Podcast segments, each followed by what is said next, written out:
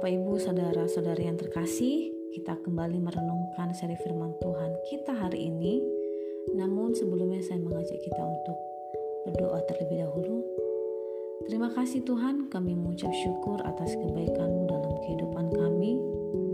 Dan sebentar kami mau belajar sebagian dari kebenaran firman-Mu Tuhan berkati setiap hati dan pikiran kami. Sehingga benih firman-Mu Tuhan itu bertumbuh siap mendengarkan firman-Mu di dalam nama Tuhan Yesus. Haleluya. Amin. Nah Bapak Ibu, saudara-saudari yang terkasih, kita terus belajar dari firman Tuhan kita dalam Keluaran pasal yang ke-29 di mana pasal ini menjelaskan mengenai pentabisan Harun dan anak-anaknya yang telah ditunjuk langsung oleh Allah untuk menjadi imam bagi bangsa Israel. Dan perikop selanjutnya berbicara mengenai korban pagi dan korban petang Bapak Ibu. Nah, Allah memilih Harun dan keturunannya yaitu suku Lewi untuk menjadi pelayan di kemah suci atau tabernakel yaitu tempat bangsa Israel beribadah kepada Tuhan. Dan di dalam Bapak Ibu pentabisannya Harun dan anak-anaknya yang didasarkan kepada kekudusan Bapak Ibu. Kita bisa dapat melihat di dalam ayatnya yang pertama. Firman Tuhan berkata, "Inilah yang harus kau lakukan kepada mereka."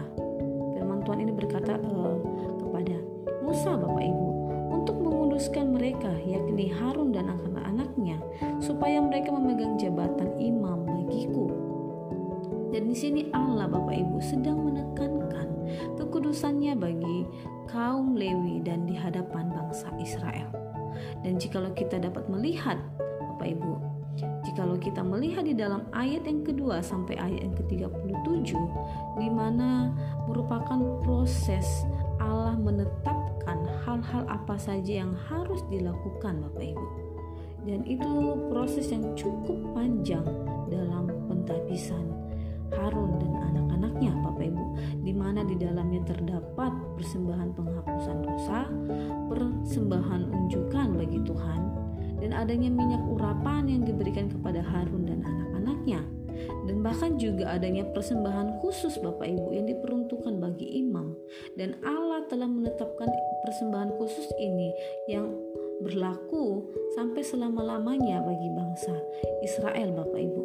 Dan serta juga ada proses pengudusan mesbah untuk menjadi mesbah maha kudus. Dan di mana dikatakan di dalam ayat ini dari ayat yang ke yang ayat yang ke-37 bahwa di mana setiap orang yang kena kepada mesbah itu menjadi kudus Bapak Ibu. Dan dalam petabisan ini banyaknya upacara tahap demi tahap yang harus dilakukan Bapak Ibu dengan penuh peraturan yang telah ditetapkan oleh Allah. Di sini agar menyadarkan Harun dan anak-anaknya agar mereka memiliki kesadaran penuh atas keagungan panggilan Tuhan atas mereka dan di saat yang bersamaan juga mengajarkan bangsa Israel untuk memandang jabatan itu sebagai suatu yang patut dihormati dan tidak boleh diabaikan. Nah, Bapak Ibu, kita tahu bahwa tempat peta, pentabisan ini dilaksanakan di depan pintu kemah pertemuan Bapak Ibu, saudara-saudara yang terkasih, imam bertugas untuk melayani Allah, memimpin ibadah bagi bangsa Israel, dan melaksanakan korban persembahan bagi Allah.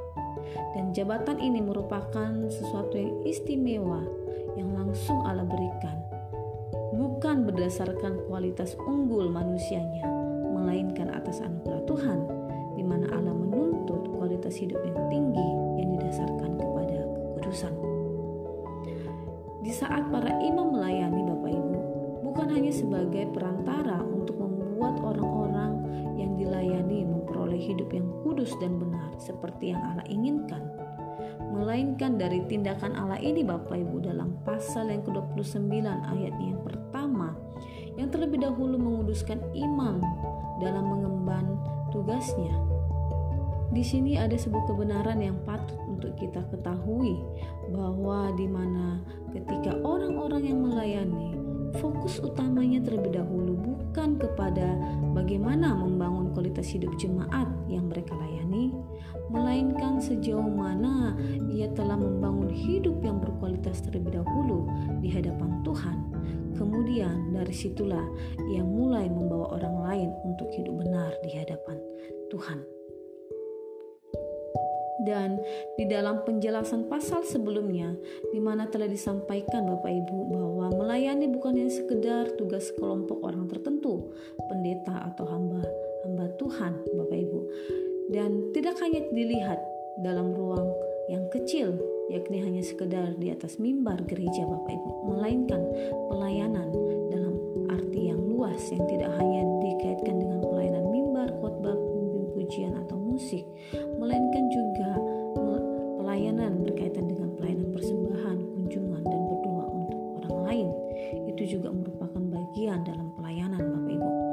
Bapak Ibu saudara-saudari yang terkasih, Allah menuntut kualitas hidup yang kudus bagi setiap kita yang melayaninya. Amin. Kita yang telah dipercayakan atau telah terlibat di dalam pelayanan, kita perlu memperhatikan kekudusan hidup kita di hadapan Tuhan. Dan kita tahu bahwa orang Kristen dipanggil untuk melayani Tuhan karena ia terlebih dahulu melayani kita dan menjadi tebusan bagi semua orang. Perikop selanjutnya dalam pasal yang ke-29 yaitu ayat yang ke-38 sampai ayat yang ke-46 tentang korban pagi dan korban petang. Ini merupakan tugas salah satu yang harus dilakukan imam setiap harinya. Dan saya akan bacakan kepada kita Bapak Ibu, teman Tuhan, inilah yang harus kau olah di atas mesbah itu dua anak domba berumur satu tahun.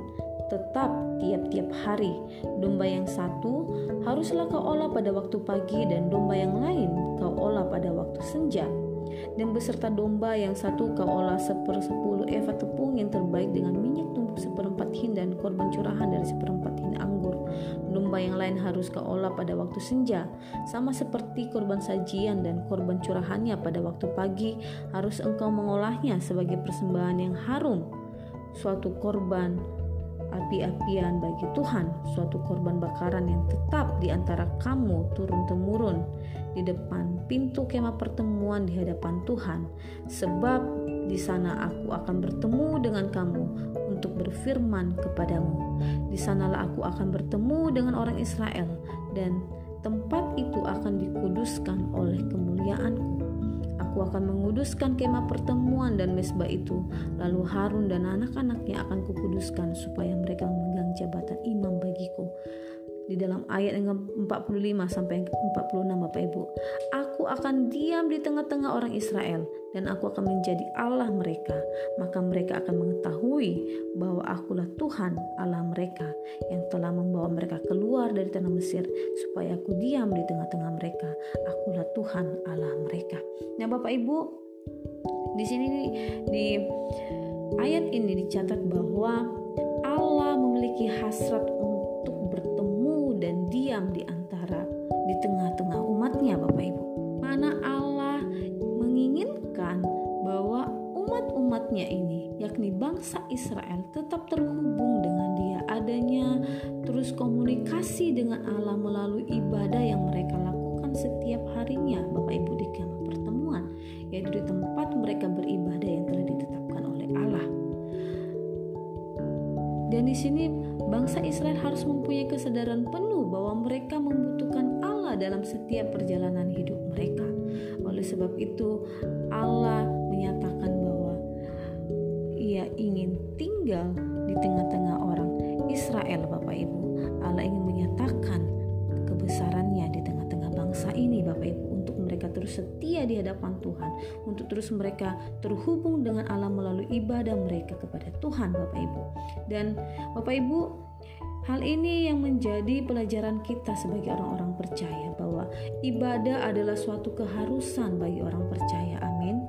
Itu menunjukkan bahwa kita ada hubungan dengan Allah, bahwa kita terus terkoneksi dengan Tuhan, Ibu. Mari kita mencintai ibadah seperti kata Daud lebih baik satu hari di pelataran Tuhan daripada beribu hari di tempat lain. Bapak, Ibu, saudara-saudari yang terkasih, kita bisa sibuk dengan kesibukan keseharian kita dalam pekerjaan, Bapak Ibu, atau rutinitas kita sehari-hari. Tapi ingat bahwa Allah ingin kita terus terhubung dengan Dia, Bapak Ibu. Mari uh, melakukan ibadah-ibadah pribadi kita di hadapan Tuhan. Sekalipun ada ibadah setiap minggu, ada ibadah pertengahan minggu, eh, ibadah keluarga saat ini yang biasanya dulu kita lakukan yaitu ibadah komsel Bapak Ibu. Tetapi sekarang ibadah perkeluarga, tetapi juga mari setiap hari Bapak Ibu seperti yang dilakukan oleh bangsa Israel, mereka melakukan ibadah setiap hari untuk terus uh, terhubung dengan Allah di mana waktu kita beribadah waktu di situlah Allah ada bersama-sama dengan kita Bapak Ibu dan kita tahu di mana waktu kita memiliki hubungan yang dekat dengan Tuhan, maka juga Allah menyatakan kehendaknya dalam kehidupan kita. Kita pasti akan hidup berjalan sesuai dengan kehendak Tuhan, Bapak Ibu. Dan kiranya kebenaran firman Tuhan ini mengajarkan kita untuk terus setia beribadah kepada Tuhan. Untuk kita terus mencintai ibadah, untuk terus kita tidak menjauh dari persekutuan-persekutuan ibadah kita kasih Bapak Ibu, Tuhan Yesus memberkati.